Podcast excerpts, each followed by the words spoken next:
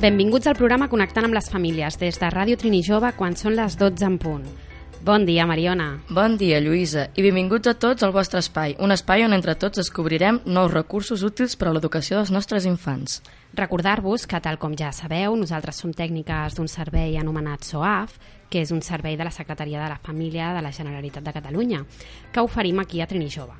Uh, tenim com a objectiu acompanyar les famílies en la millora del seu benestar personal, familiar i social. També proporciona orientació i recursos en funció de cada necessitat, educació dels fills i filles, conciliació de la vida familiar i laboral, salut, cultura, lleure, participació, treball, etc. Però tot sempre des d'una perspe perspectiva integral. I treballem amb tres línies, la individual, la grupal i la comunitària. Us recordem que totes les famílies us podeu dirigir a la nostra fundació i demanar-nos una entrevista personal per tal de valorar quina seria la millor opció. I avui ens centrarem en explicar-los una miqueta què farem a nivell comunitari, no, Mariona? Doncs sí, com mm, ja sabeu, aquesta setmana és la Festa Major de la Trinitat Vella i us volem recordar que aquí a la Fundació Trini Jove doncs, participem molt activament. Exacte. Uh, comencem participant, bueno, ja sabeu que ja estem eh, en Festa Major, no és que... però us recordarem les tres activitats que desenvolupem nosaltres aquí a, a Trinitat, a la Fundació. Uh, demà, dia dimarts 4 de juny, de 5 a 7, es realitzarà un tastet d'arts que bueno, organitza el Centre d'Art Social Comunitari d'aquí de la Fundació i constarà de tres tallers oberts al barri. Uh, el primer taller serà que podràs de decorar un test, un test de, de plantes, uh, plantar una flor i emportar-te-la.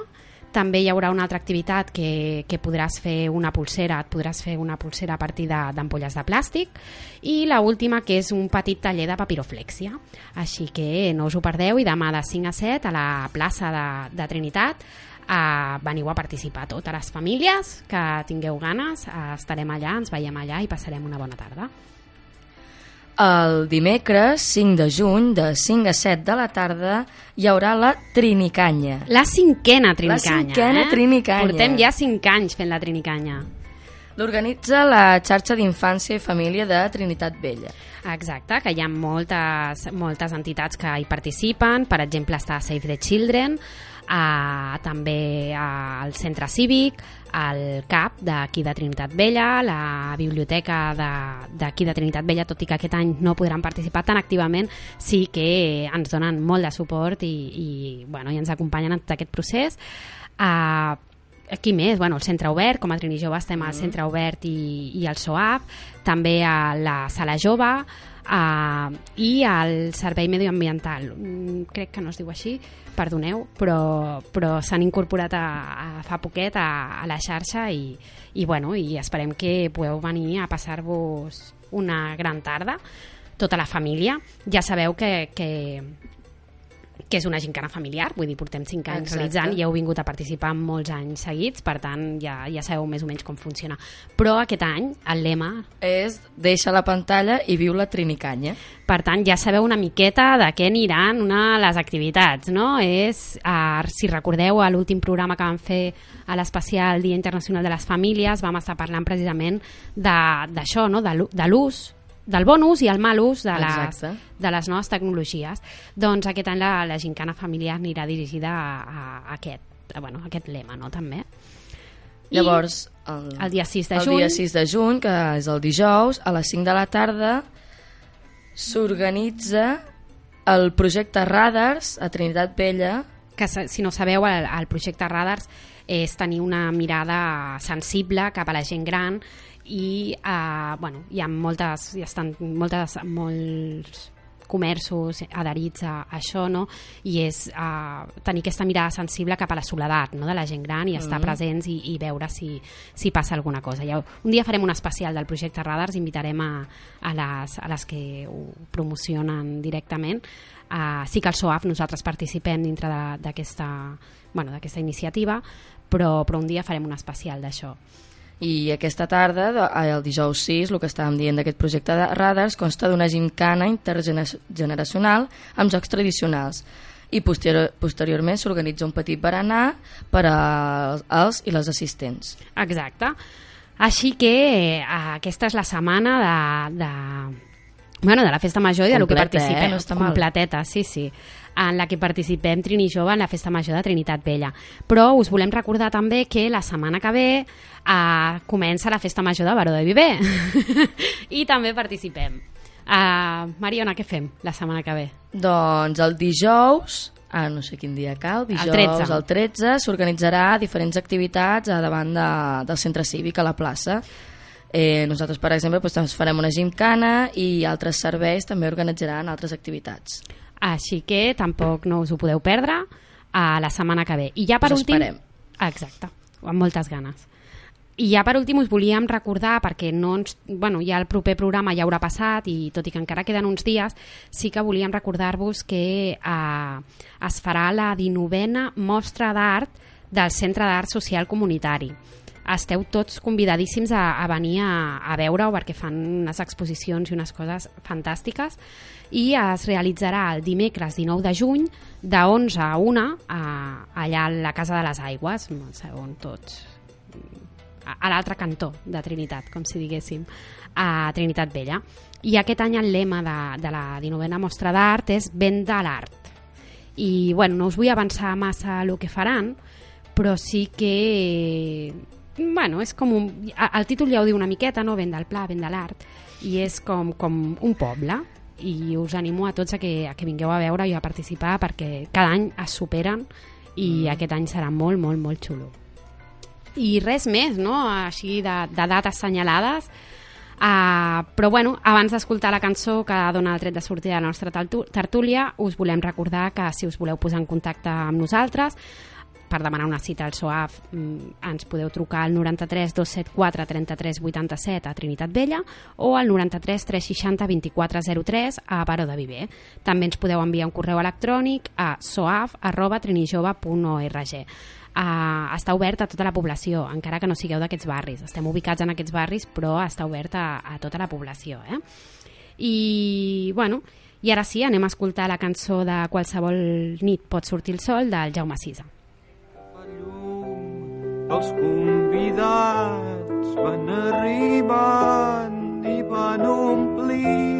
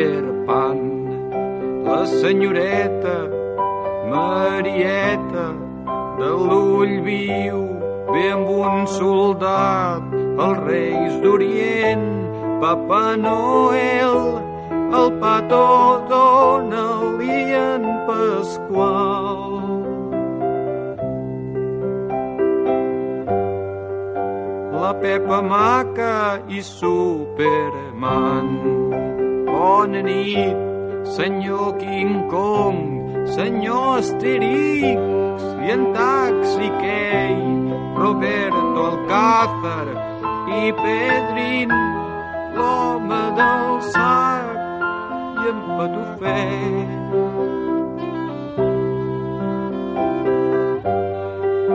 Senyor Charlot, senyor en Pinotxo ve amb la Monyos agafada del bracet. Hi ha la dona que ven globus a la família Ulisses.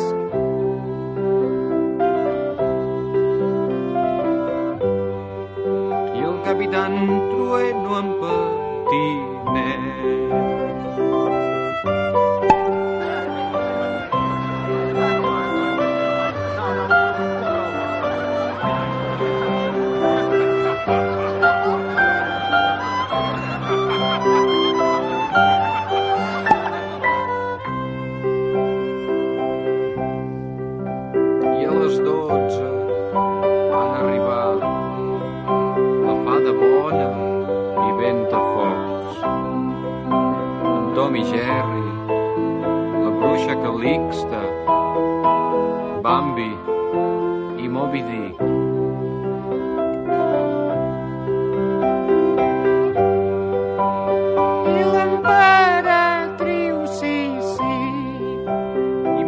Mortadelo i Filemon i Guillem Brown i Guillem Tell.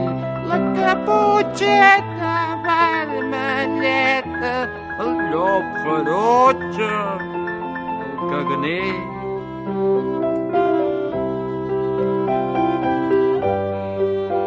En Cocolizo i en Popeye Oh, benvinguts, passeu, passeu, ara ja no fa... nostre sort. Connecta't amb nosaltres. Amplia't el cinturó d'eines. T'acompanyarem. Continuem amb el programa Connectant amb les famílies des de Ràdio Trini Jove. I avui parlarem de tipus de famílies, no? Uh, ja sabeu que actualment, i més en la societat d'avui a dia, cada cop, de- d'avui en dia, cada cop hi ha més tipologies de famílies, no? Sí que és cert que, que potser la més tradicional continua sent la de pare, mare, dos nens, si pot ser nen i nena. Exacte, i potser un gos per allà, també. Però, bueno, sí, la és veritat que ens anem modernitzant, no? I també les coses canvien, hem de treure aquests tabús. I la realitat d'avui dia és molt, molt, molt Molt diferent, diferent. I, molt, i molt heterogènia, no? Ara jo he sentit gent que fins i tot diu que la família nuclear li sembla estrany. I és com algú que et digui pare, mare i tal, diu, ostres, que, que típic, no? Que raro, que no? raro, ja. bueno, pues, ninguna rara, però, però me n'alegro també, no? que cada cop s'estigui normalitzant més les altres tipologies de famílies. Avui, sobretot, ens centrarem en tres. Tres tipus de família que cada cop hi ha més. Exacte. Uh, començarem parlant per les famílies monoparentals. I la definició de família monoparental, perquè a vegades potser ens pensem algú que... Entenem per família monoparental tota agrupació familiar de fills dependents econòmicament d'un sol progenitor amb els qual conviu. Per tant, una persona que no té per què ser viudo o viuda, pot ser una persona que ja es desentén o una persona que marxa per qualsevol raó, O una persona que decideix ser mare soltera o pare Exacte, solter. també. Aquest, aquest és el punt que jo crec que menys som conscients de que també pot ser decisió pròpia de la persona ser família monoparental. Una decisió difícil, però pot ser. I tant, i tant. Ah, I anireu veient que ara anirem parlant de, de les famílies ah, monoparentals, no? Ah, I i en, en el fet de, per, que sigui per decisió pròpia o que sigui per, algun, bueno, per, alguna, per alguna circumstància que ha passat, ah, ets diferent també com ho puguis afrontar, no? Ah, però bueno, tot té les seves avantatges també. I el seu procés també. Òbviament, al començament pot ser un cost inicial bastant difícil, però tot té el seu propi- el procés, la seva adaptació, i és el que acabes de dir, Lluïsa, que també poden haver coses molt positives Mhm. d'aquest tipus de família. Sí que és cert, quan comentaves lo de les famílies uh, monoparentals, no, que deies la definició, uh, continua, els estudis demostren que continuen sent uh, les cabezas de família, no? continuen sent la majoria dones no? en les Sí. famílies monoparentals.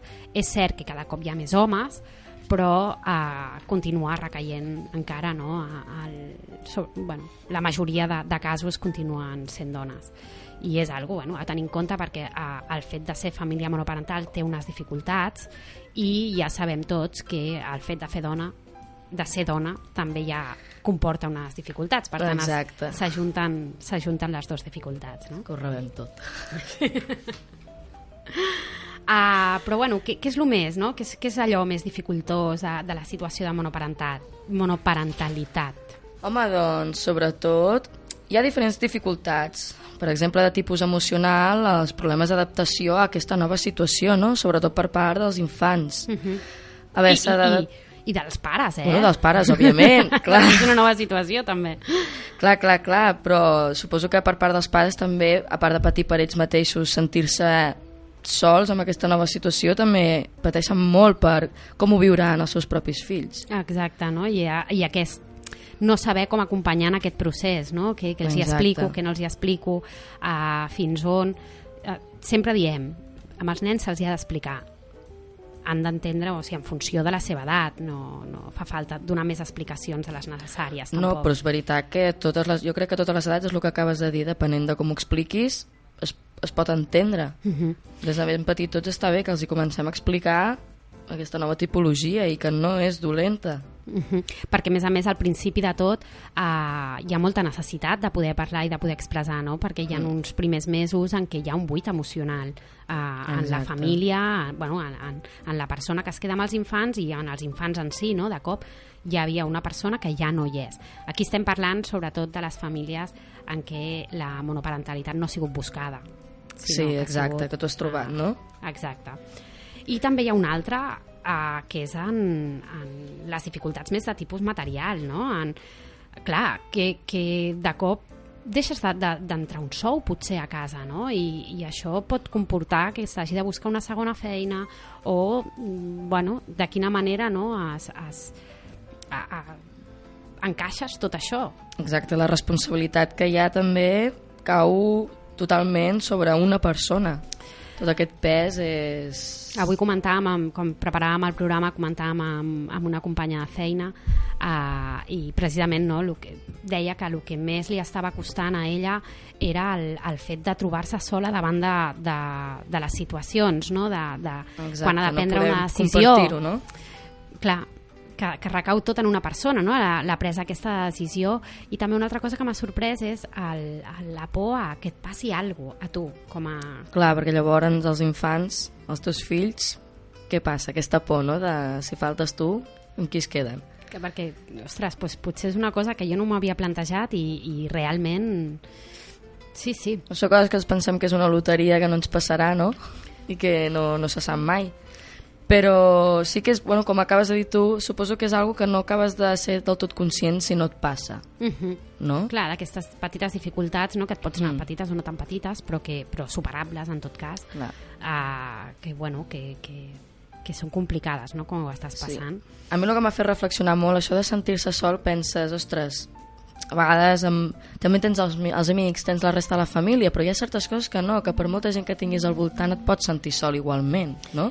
Coses que no podries compartir, però no, no, no és el mateix poder compartir-ho verbalme- verbalment que no pas saber que pots passar-li una mica aquesta responsabilitat a una altra persona, com ho tindries amb la parella en comú, per exemple. Exacte, exacte. És, sí, sí, a més a més, que, que no oblidem que, que per molt que comentis que la família nuclear ara és la rara, hi ha un imaginari social en què, en què continua prevalent molt la família nuclear, no? i això Mm. a, a, a la persona, a la família monoparental, això és un pes que té sobre també, de, de, bueno, de,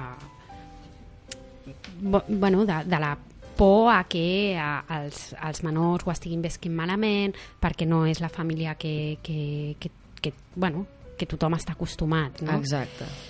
La Ah. creença aquesta de que fa falta no, un pare i una mare, quan no és cert això tampoc. Una mateixa persona pot fer els dos rols o, o, o un i poder completar perfectament no, la, la caren les carències que hi pugui haver amb, amb els fills. Mhm.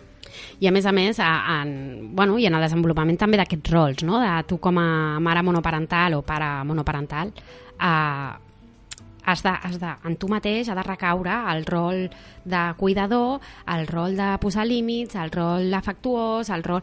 Ostres, conjugar tot això mm, és, és Es pot fer complicat. una bola gran a vegades, no? quan he de fer ca cada cosa, no? Uh, però bueno, eh, és important saber que, que per molt que, que només hi hagi un progenitor, tots aquests rols han d'estar-hi també. O sigui, Sí, a vegades totalment. tendim, ho vam parlar en, en el programa de separacions, eh, tendim a sobreprotegir els menors, no? quan, quan hi ha alguna, alguna dificultat d'aquestes, a sobreprotegir els menors i, i, bueno, i creiem que és un error, no? perquè Clar, bueno, i a vegades també poden ser dues persones i, i tot i igualment tenir tota la responsabilitat només una d'elles. Que això a vegades també no té per què no ser mono, físicament. no ets monoparental, però ho ets. Exacte, vull dir, no és perquè no té per què ser físicament. Sí, sí. Però sí, sí. Però bueno, també també hi ha, hi ha coses positives, no? Hi ha Exacte. punts forts que tenen les famílies monoparentals que una família nuclear pues, no té. I, I també ens agradaria posar un valor a això. Exacte. Per exemple, hi ha una única línia d'autoritat, no? Uh, bueno, Però aquestes decisions, a vegades que entre la parella podem tenir decisions diferents de com educar, no? Com ficar certs límits, com ser autoritari, una persona pot ser més, una altra pot ser no menys. I que no et poses d'acord en la parella, no? De, exacte. de com educar els teus fills, doncs aquí no tens aquesta dificultat. Els No. eduques com vols, o com tu creus, o com, o com pots, no? Perquè a vegades, Exacte. a vegades no queda més remei.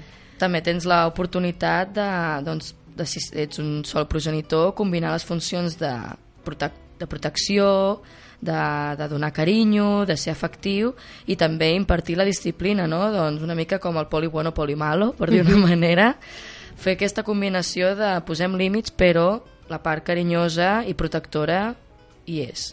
Exacte. I, i es, es dona algo molt bonic en les famílies monoparentals, que és la relació de companyerisme. Mm. O sigui, en, quan falta un progenitor, els fills, entre, bueno, entre, els fills i, i el progenitor que hi és, es dona una relació més de companyerisme que no en... Perquè sí, sí que és cert i, i això s'ha de, de respectar els, els nivells jeràrquics, eh? no, és que els, no és que els menors passin a un nivell jeràrquic que no li pertoca, però sí que es dona aquest, aquest companyerisme que potser en les famílies nuclears no es veu tant perquè no es té Totalment a, aquest d'allò, no?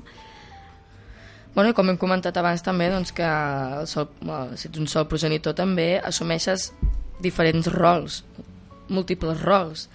Eh, sí que a vegades pot ser una mica una, com hem comentat, una mica una càrrega, a vegades... També és la qüestió de com gestionar-ho. Mhm. Vull dir, ningú, ningú t'obliga a saber gestionar les coses ja des del primer moment, tots, som humà, tots som humans, tots i totes en la, ens podem equivocar, però és un procés doncs, que, com comentat abans, no? si fiques, dones la importància que tenen en aquest procés també els teus fills, també és una, millor una manera de no, no sentir-te sol, de, de sentir-te acompanyat, de no... Sí que aquesta jerarquia, però al mateix moment ser un equip, no? Mhm, Exacte, exacte, exacte. I, uh, a més a més, uh, bueno, també hi ha una sèrie de... que no, no volem entrar molt en això, no? perquè, perquè potser no, no pertoca, però sí que hi ha una sèrie d'avantatges a nivell amb el carnet de família monoparental, Exacte. on pots tenir accés a, a diferents descomptes, ja sigui en universitats, en museus, en, en, en el metro mateix, no? que, que, bueno, que totes les famílies que, que tingueu aquesta característica pues, podeu sol·licitar el carnet de família monoparental per tenir aquests avantatges també i si teniu dificultats a, a l'hora de, bueno, pues totes aquestes pors no, que et sorgeixen quan, mm -hmm. el que comentàvem al principi de, ostres, és que recau tot en mi jo no sé si ho estic fent bé, si no ho estic fent bé si això angoixa molt Però Ah, són pors completament normals. totalment normals i que totes les famílies tenen, no només les monoparentals Exacte, les nuclears també. Uh, ja sabeu que us podeu posar en contacte amb nosaltres al 93 274 33 87 o al 93 360 24 03 i mm, nosaltres fem grups, per exemple fem tallers grupals on us podeu trobar amb més persones que tinguin aquestes característiques on, on pugueu mm, bueno, parlar i, o amb nosaltres mateixes en individual i, i veure, qui, veure què és el que, el que podria anar millor, no? I bueno, mm, fins aquí famílies monoparentals. No està mal. Hem, hem donat quatre pinzellades a, a, bueno, a les dificultats i les coses positives que, que hi poden tenir, no? I abans de continuar una cançó del Manuel Carrasco de La mujer de las mil batallas.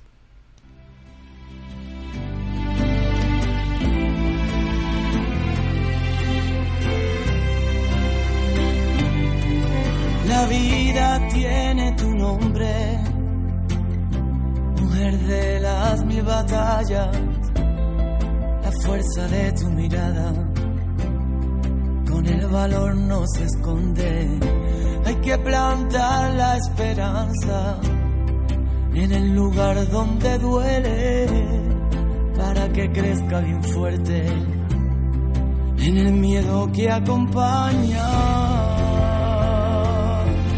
Y sigues tan bonita como ayer. No despeina el alma. Un pasito más, que si se puede. Uno y otro más. Mujer valiente,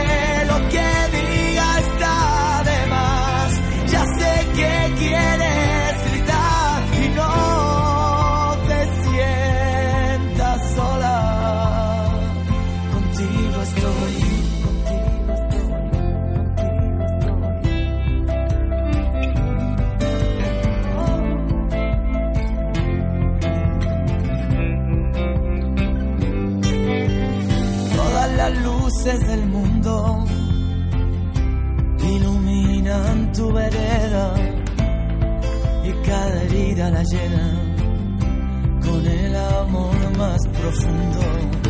Pero si la noche es larga y sientes que estás perdida, recuerda mi melodía que te quiere y acompaña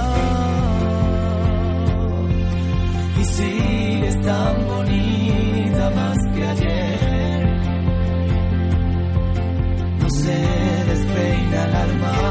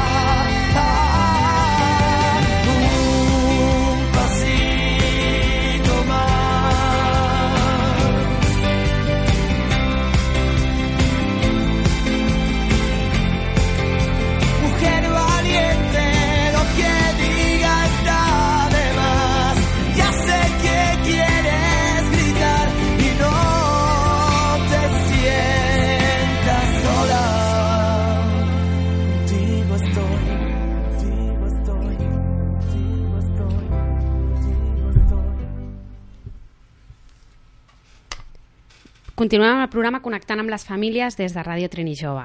Uh, I ara continuarem amb les famílies homoparentals. Mariona, què són les famílies homoparentals?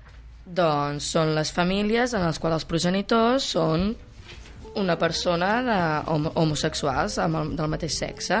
Exacte. Ens podem trobar aquí dos mares o dos pares, Exacte. O una mare només i un pare, però llavors ja estaríem aquí liant eh, entre famílies homoparentals perquè, perquè la persona eh, eh, estan persones del mateix sexe i les famílies monoparentals, i ja tenim una nova tipologia, no? Bueno, ara, per no liar-la, ens referirem bàsicament a les famílies que tenen dos progenitors però que els dos són del mateix sexe. Exacte.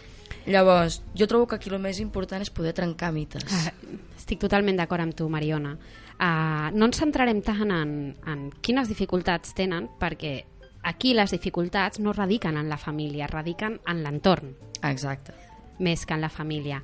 Uh, llavors aquí penso que, que la feina que s'ha de fer és sensibilitzar i continuar sensibilitzant a la societat de, uh, de la normalització d'aquesta- Sí, és- d'aquestes famílies. No? Al final, òbviament, se li ha de donar molta importància, però jo quan ja em pregunten penso, ho trobo tan normal que tingué que parlar del tema, em resulta... és que... Què penses? Que he de pensar?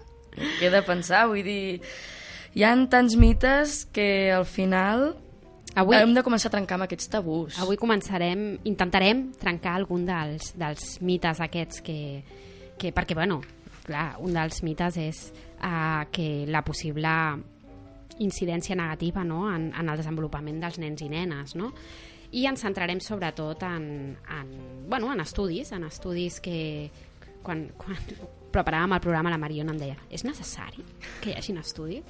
Bueno, doncs precisament és necessari per poder trencar aquests mites. Bueno, no? i és que a més els estudis que, que hem descobert, seguidament els resultats ja els fica, ja donen els resultats doncs, que mm, trenquen amb aquests mites, no? de la possible incidència sobre el desenvolupament i les seves respostes a, els seus resultats ja són doncs, que no té res a veure que, la pare que, tingui, que un nen o una nena o, o els dos puguin tenir uns pares homosexuals, no té res a veure amb el seu desenvolupament.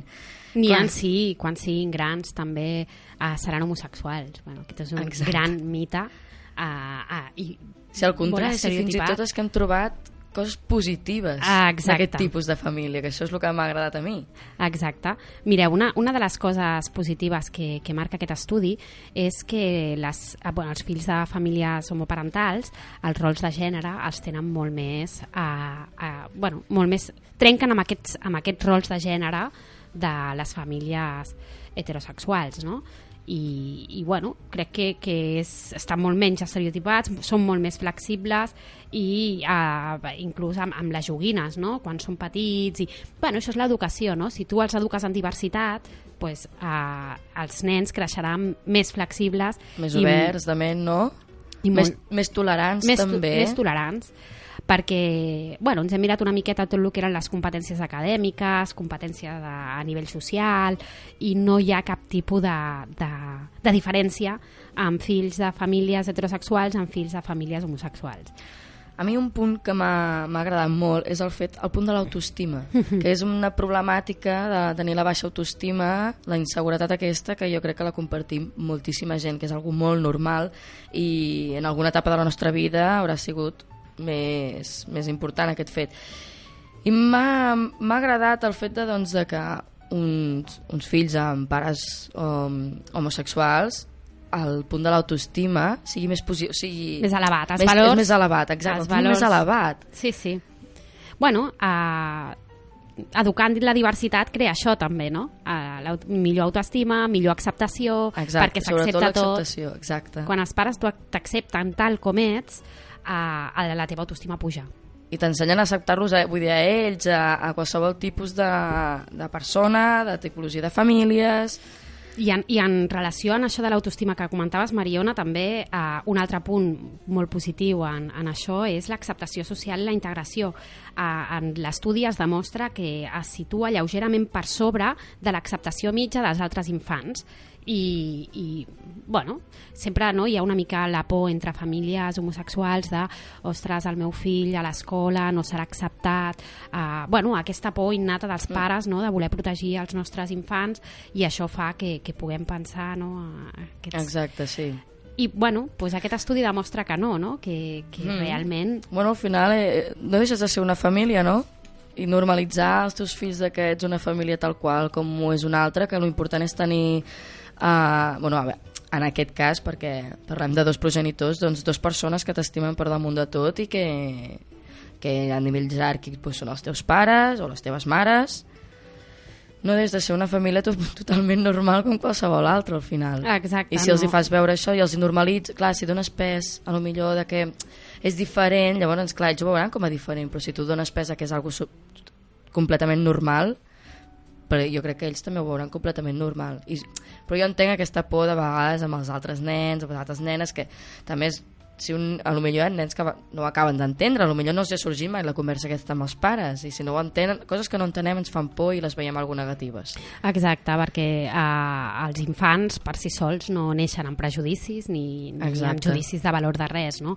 És la, la cultura o, o la bueno, l'educació que se'ls dona des de, des de la família principalment, des de l'escola i des de la societat en general. Mm. Quan més acceptat estigui, pues, mm, no hi hauria cap mena de, de dificultat més enllà de les dificultats que pugui tenir una família nuclear heterogènia. Exacte, és el que diuen Mm. els estudis, no? que al final els fills de, de famílies homoparentals tenen els mateixos problemes que una família de nuclear. i per tant no li volem donar més a, més, bueno, més bombo a, a No. aquesta tipologia de família perquè entenem que és la societat que ha de canviar i les Exacte. dificultats es venen presentades des de fora i no des de dins de, de la família, més enllà que les que pugui presentar qualsevol altra família.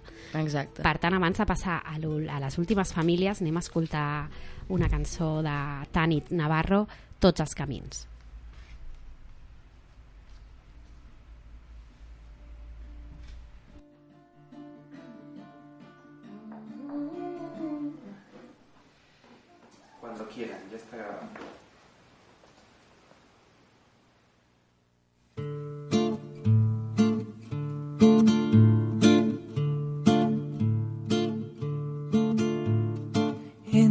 Les ombres dels arbres, sota les meves arrels, allà on comença i acaba el cercle on tot mor i reneix.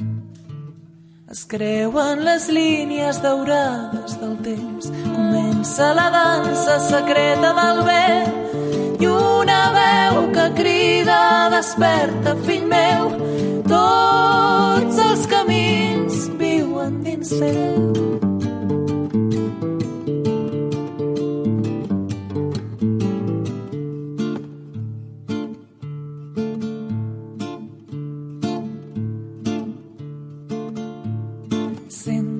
batec de la terra, canta la lluna dins meu, allà on comença i acaba el cercle on tot mor i.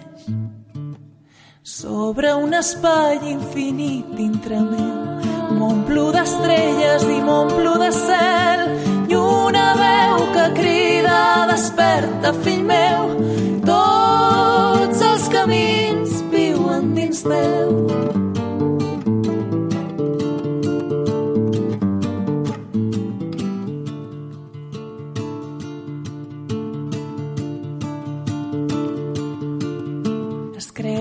Les línies daurades del temps. Comença la dansa secreta del vent i una veu que crida desperta, fill meu, tots els camins viuen dins teu.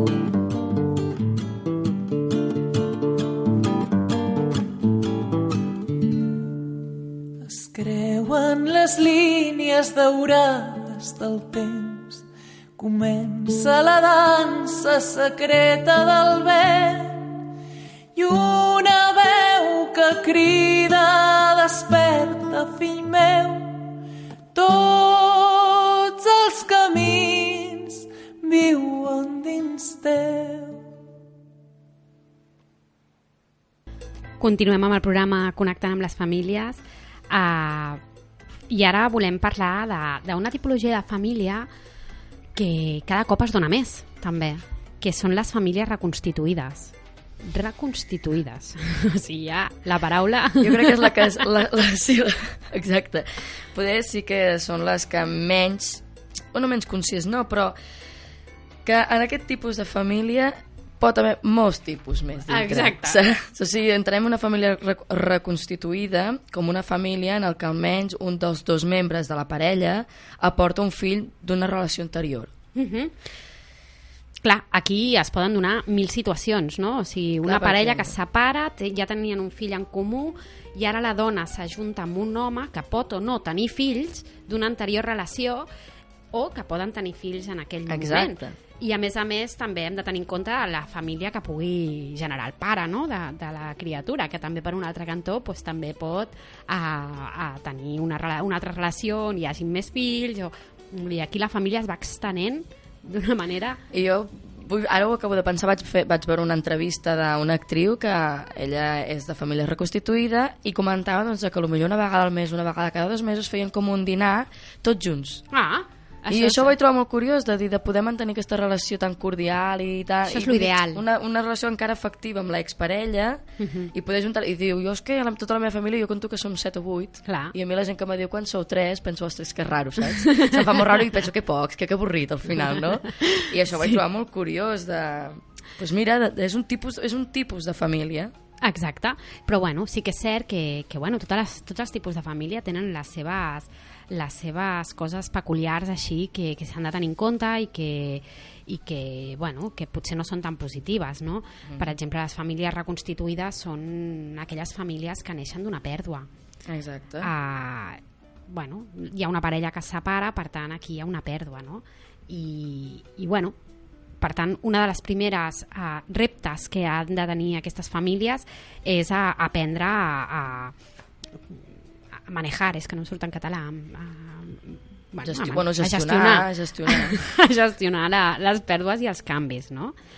Um, bueno, el, el nou el, el cònjuge que, que ve de fora uh, no formarà una família, això s'ha de tenir molt clar, no és la teva família. Pots formar part d'aquella família, però no és una família que tu has creat, és una família que ja està creada amb unes normes, amb uns... amb- Exacte. a- amb- Bueno, un error que hi ha, no, comenten alguns estudis, és això, doncs, que el nou membre, per dir una manera, nou Mhm. cònjuge, vulgui fer el paper de, de pare o mare, quan no ets el bueno, és un, com una mica complicat, però vull dir, no tens per què fer pare o mare, tu has de fer, has de fer un acompanyament i, intro, i la introducció suposo que també s'ha de fer una mica a poc a poc, no? perquè els, jo crec que els infants, els fills i filles tenen, són conscients que ells ja tenen un pare i una mare. i continuen tenint un pare i una mare. Exacte. Uh, però bueno, s'uneix una altra persona no? I, i el que comentaves Mariona de que un dels errors més freqüents és voler aquesta persona uh, exercir aquest rol de pare o mare que evidentment no li pertoca, no? Uh, això no vol dir que hi hagin famílies en què ho fagin, els hi funcioni i endavant i, i tot perfecte, no? També s'ha de dir que aquest, aquest, aquesta nova persona que s'incorpora a la família uh, bueno, en segons quins moments estiguin els menors, en segons quines edats tinguin, serà més fàcil o més difícil i acceptaran més eh, aquesta normativa de, que vulguin posar aquest nou, aquest nou membre que, que, que altres edats, perquè clar, no és el mateix que aquesta nova persona s'incorpori quan el menor té dos anys, no? Ah, clar. que quan en té 17. I tant, la consciència és molt diferent, per tant, jo crec que és molt important i no tenir por a donar-li temps, no? A, a, bueno, no només als fills, sinó a, a un mateix i a la parella i una miqueta de temps, doncs, en tota la família en general. no voler fer les coses molt ràpid, Exacte. no? També perquè no sabem com sortirà, no? I, i, i bueno, i potser eh, hi ha vegades no, que passa que t'il·lusiones molt amb, amb, amb la nova parella i en seguida li presentes als fills, la relació no surt bé i és una altra pèrdua que té aquell, aquell menor, no? d'alguna manera. Exacte. Per tant, amb molta cura Clar. en, en, en, sobre, en preservar... El... Que això no vol dir que no li puguis explicar que tens una parella perquè és bo compartir les coses Clar. amb els fills, però... Uh, La idea no és substituir exacte. algú anterior, sinó al contrari, doncs, anar introduint a l'altra persona de, a poc a poc.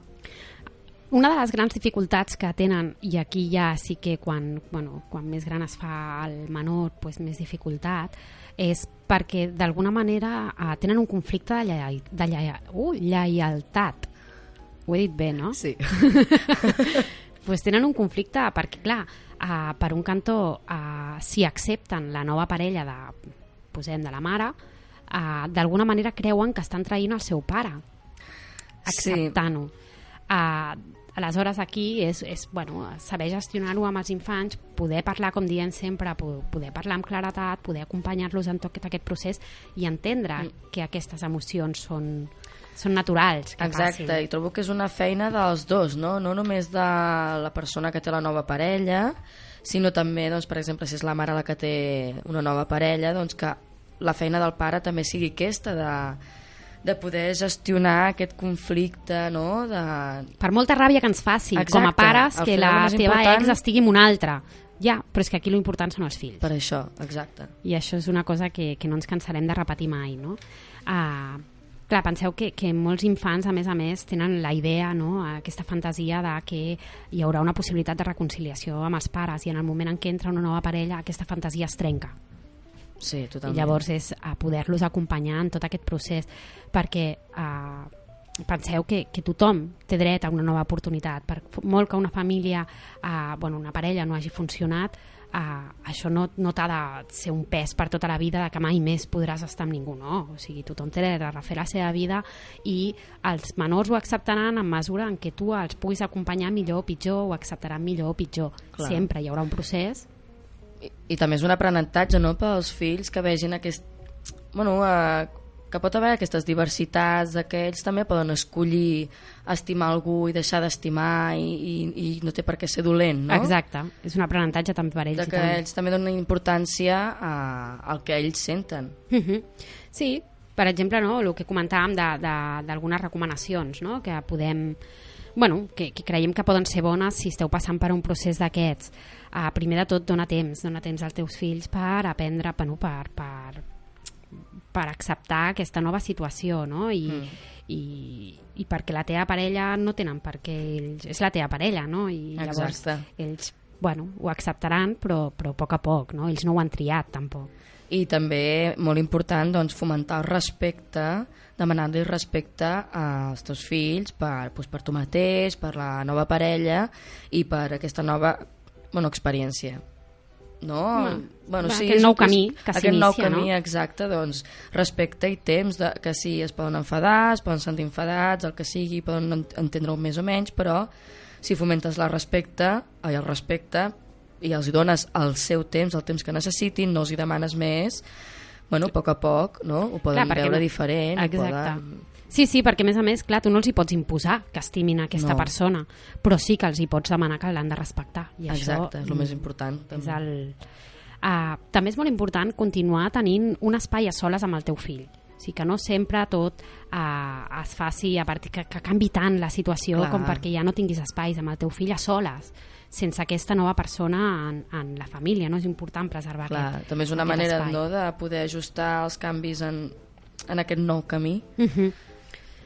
Tam Eh, També és important respectar, o sigui, demanar-los i, i, i que els teus fills es puguin expressar completament eh, els seus sentiments, no? Pues si no els agrada, escolta perquè no els agrada, acompanya'ls, no és lo tienes que aceptar i punto, no, bueno, l'hauràs d'acabar acceptant, però vull saber què és el que no, lo que no Clar. t'agrada, què et preocupa, què ells és el formen que... part de- d'aquest nou camí, no? I se'ls ha donat també la mateixa importància.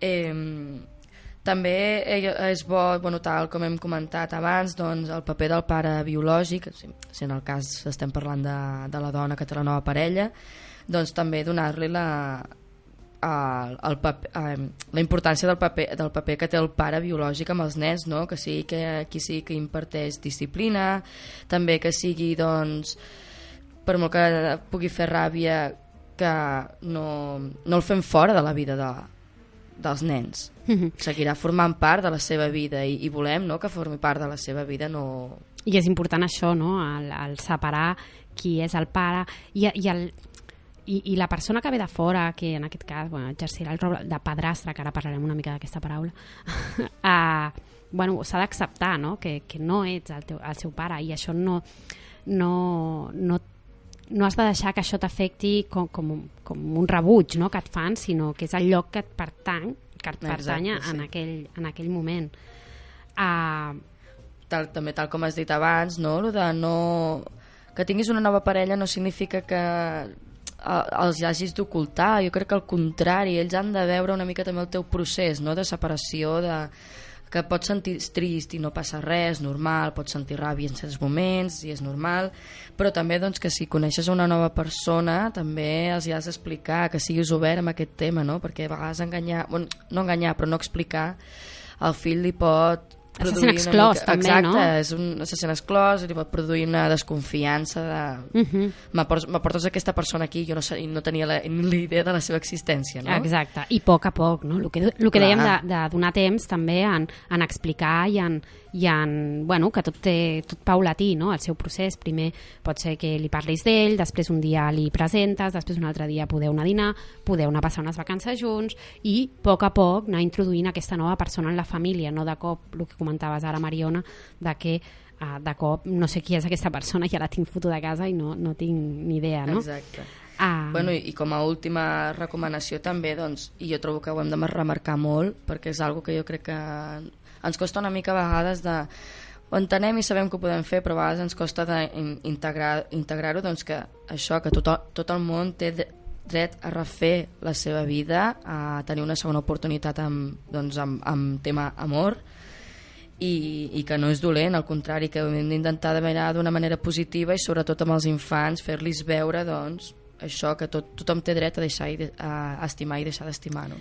Exacte, i només volia fer un petit incís amb el que és la paraula mm, padrastre i madrastra, no? Ens tenen com molt acostumats a que el padrastre i la madrastra són dolents. Sí, això, so, això... això Disney ha fet mal. Eh? La madrastra, sobretot, sempre s'ha vist com una paraula molt dolenta, perquè la madrastra de les pel·lícules Disney, de Disney sempre són dolentes. Exacte. I d'aquí la importància no, de també a quina és l'educació i quins valors volem donar als nostres fills, no? I, i ara, després d'escoltar aquesta cançó que, que escoltarem, uh, us volíem parlar també de quins contes o quins llibres podem utilitzar per a parlar de tot això amb els nostres infants. No? I, eh, ja sabeu que nosaltres a, eh, apostem molt per, per utilitzar aquests recursos, amb, ja sigui la televisió, la, la internet, i en aquest cas avui parlarem d'alguns llibres o alguns contes que podem utilitzar per parlar d'aquesta tipologia de família. Però abans anem a escoltar la cançó de Maya Montero, Te voy a decir una cosa. La más bonita sin duda eres tú más auténtica de todas tú. Si tú me abrazas no existe el dolor. Si tú me hablas yo entro en razón. Con solamente mirarme una vez, guías mis pasos allá donde voy que el pilar de mi vida, tus ojos azules son mi religión. Cantaré por una sola razón. Ver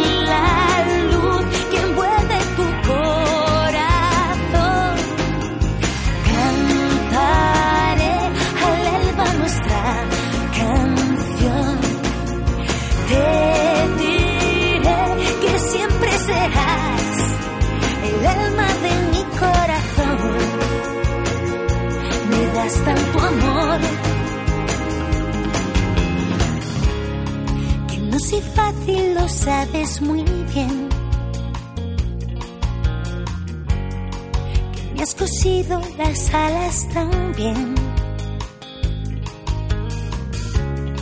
que sin tus manos no puedo vivir. Que con tu calma consigo seguir. Solamente mirarme una vez, guías mis pasos allá donde voy. Y es que el pilar de mi vida, tus ojos azules, son mi religión. Cantaré por una sola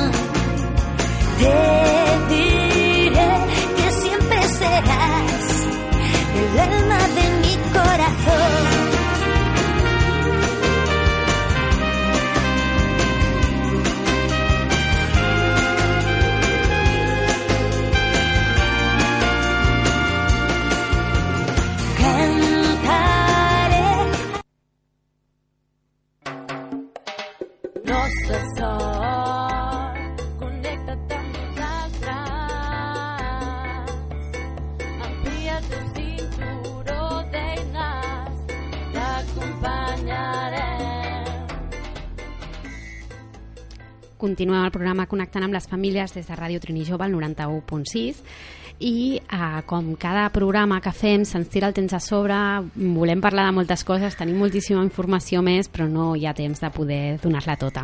Però sí que no volíem marxar sense parlar de, dels contes, no? una gran eina educativa que ens pot ajudar molt a, a poder parlar de, de totes aquestes coses amb els nostres infants. I us hem fet una selecció d'alguns contes de, que podeu utilitzar amb els nens per parlar de diferents tipologies de família. Per exemple, hi ha el, el primer conte, no?, que ens agrada molt, uh, és un que... A més, l'hem anomenat en més d'una ocasió, eh, aquest conte aquí al programa de ràdio, que és el, el llibre, és un conte que es diu En família. I, bueno, és un conte on podem trobar tot tipus de família, no? I, Més i, encara de les que hem parlat. Sí, moltes més de les que hem parlat. Uh, I, bueno, i és, i és un conte que ens pot, en, pot fer que el menor uh, vegi els diferents tipus de família pues, amb una normalitat no? real i es Exacte, pot, com ha de ser. Exacte. I es pot identificar amb, amb algunes de les famílies que s'expliquen en el conte, no? Uh, per tant, us animem a que, a que el, el compreu. O l'agafeu de la biblioteca o vingueu al SOAF i, i ja mirem a veure com ho podem aconseguir. Uh, també un altre llibre en aquest, en aquest cas Eh, es titula Els meus amics i jo, i jo i doncs va d'una uh, celebració dels, dels diferents tipus de, de família. És un nen doncs, que va a casa dels seus amics no? a berenar i veu doncs, que cada amic seu té un tipus diferent de família i fa un aprenentatge sobre, sobre això, sobre els diferents tipus que hi ha i també lo, lo, lo cercans que poden arribar a ser, no? proper. Propers, perdó. Cercant. No em sortia. jo també ho faig. Um, després també, uh, per exemple, no? si voleu parlar amb els vostres fills de famílies separades o famílies reconstituïdes, no? que és una de les tipologies de família que hem parlat avui, les famílies re reconstituïdes. O encara que, que no sigueu família reconstituïda, el que dèiem, educant la diversitat. No? Uh, un dels llibres que, que la Mariona em comentava que li havia agradat molt, Sí, es titula Si mamá dice blanco, papá dice negro. Està escrit per la Pilar Burgos i Maria José Sanabria i doncs tracta de eh, doncs que primer els pares s'enamoren i són feliços junts, però un dia tot comença a... doncs comencen a que tant un com l'altre volen coses diferents i no són capaços de posar-se d'acord. I clar, això a vegades, doncs, bueno, a vegades pot provocar un patiment i fa sofrir, i fa patir a les persones que rodegen, no? en aquest cas doncs, són els fills. Doncs per evitar que segueixin fent, que segueixin fent mal, eh, des, eh, finalment decideixen separar-se. Bueno, com comentàvem abans, no? que a vegades doncs, que una separació no té per Sí, veie, no, a vegades és més negatiu que do- una parella segueixi junta i no estigui bé i faci patir a més a més, els que, a més d'ells els que rodegen, no? que no pas que separin. Uh -huh. També un altre llibre que, que ens pot ajudar molt en les famílies reconstituïdes per treballar aquest, uh, aquesta diversitat familiar és Cuando se irán estos. Uh, bueno, és, eh, tracta d'una família una, nuclear, no?, que de cop es converteix en una família reconstituïda perquè després d'una separació eh, els seus set fills canvien de casa molt, molt, molt sovint, no? I un dia, mentre s'acostumen a tot aquest trasbals, no? de casa la mare a casa el pare, quan van a casa el pare es troben que uh, una de la... Bueno, uh, ja, no, ja no són ells sols, sinó que de cop hi ha una princesa, i ho fiquen així, aquí el nom, amb els seus fills, no? I, i bueno, comencen a fer moltes trastades per fer-los fora de casa, finalment ho aconsegueixen i el pare es posa molt trist, no? Però quan tornen a casa de la mare també es troben que la família ha crescut. I bueno, uh, us animem perquè és bastant divertida aquesta història, us animem a que, a que la podeu llegir amb els vostres infants. Llavors, un, bueno, un altre llibre, però que aquest parlaria de les famílies homoparentals, és un llibre que jo trobo que és molt curiós perquè tracta d'una història verídica d'una parella de pingüins un zoo de Nova York, eh, que són una parella de pingüins mascles que es posen, doncs, que passen molt de temps junts, que semblen enamorats i que fins i tot in incuben junts una pedra. Llavors, un vigilant del zoo els dona un dia una oportunitat de els hi dona una, un ou, una cria de, de pingüins per tal que el cuidin i llavors d'aquí neix eh, Tango, que és la prim, el primer pingüí que té dos pares. Uh, també seguint amb aquesta tipologia de famílies, un de les, dels llibres que ens agrada molt és Laura tiene dos mamás, que abans era Paula tiene dos mamás i es va canviar d'Ediciones Bellaterra, uh, i explica la història de la, que la Laura té dos mares i aprèn que l'únic uh, verdaderament important és l'estima, no? el, el, el carinyo no? que li puguin donar uh, i aprenen que totes les persones són iguals i a la vegada molt diferents i això passa el mateix amb les famílies que totes poden ser molt diferents però tot el que un, els uneix no? és, és el carinyo I doncs, per, per parlar sobre les famílies monoparentals hi ha un llibre que es titula, es titula Tengo una mamà i punto, que tracta doncs, de que a casa de la Camila, que és la filla, són tres, són la seva mare, un gos i ella. I doncs per la Camila la seva família és el millor del món, però un dia a l'escola doncs, hi ha una mestra que li demana, que li demana una tasca molt difícil per ella, que és dibuixar el pare que li agradaria tenir. Doncs aquí és com hem comentat abans, no? de, de poder de que hauria d'haver l'acceptació de, doncs, de ha aquesta tipologia de famílies i de que a vegades no, no té per què haver sempre un pare. I si voleu treballar la, dintre de la tipologia de famílies monoparentals el fet de uh, ser, mare, ser, ser mare per elecció, uh, hi, ha una, hi ha un conte que és- una història especial de, de l'editorial Cien Lunes de la Marinela Casanovas, que està pensat per infants de 3 a 5 anys i, i bueno, parla precisament de d'això, no? de com va ser concebut. I n'hi han moltíssims i moltíssims, moltíssims més llibres. Uh, hi han, feu recerca perquè podeu trobar llibres que parlin sobre la reproducció assistida, també per infants, famílies a, a que siguin acollides o, o d'adopció, no? que hi ha aquesta tipologia de famílies també. Hi ha moltíssims llibres que us poden ajudar en, en poder parlar d'aquests i de poder normalitzar aquests tipus de famílies. I Mariona, se'ns ha acabat el temps. Mm. Ens passem d'un minut ja. Bueno, però ha sigut interessant. I Senyala tant. que és un tema que ja... dona no- per no molt, l'ha dona per molt. Uh, res més, us recordem que us podeu posar en contacte amb nosaltres uh, i que aquesta setmana estem de festa major i que us esperem a tots dimarts, dimecres i dijous a la tarda a la plaça de la Trinitat per gaudir d'una bona tarda en família. No? I tant, us esperem. Us esperem. bé. I moltes gràcies, Jordi, al nostre tècnic, que com cada mes ens acompanya a, més a més per, per poder fer aquest programa.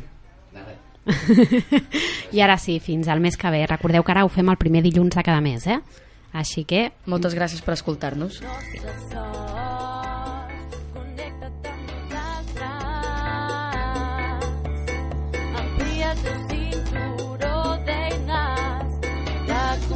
soñaré.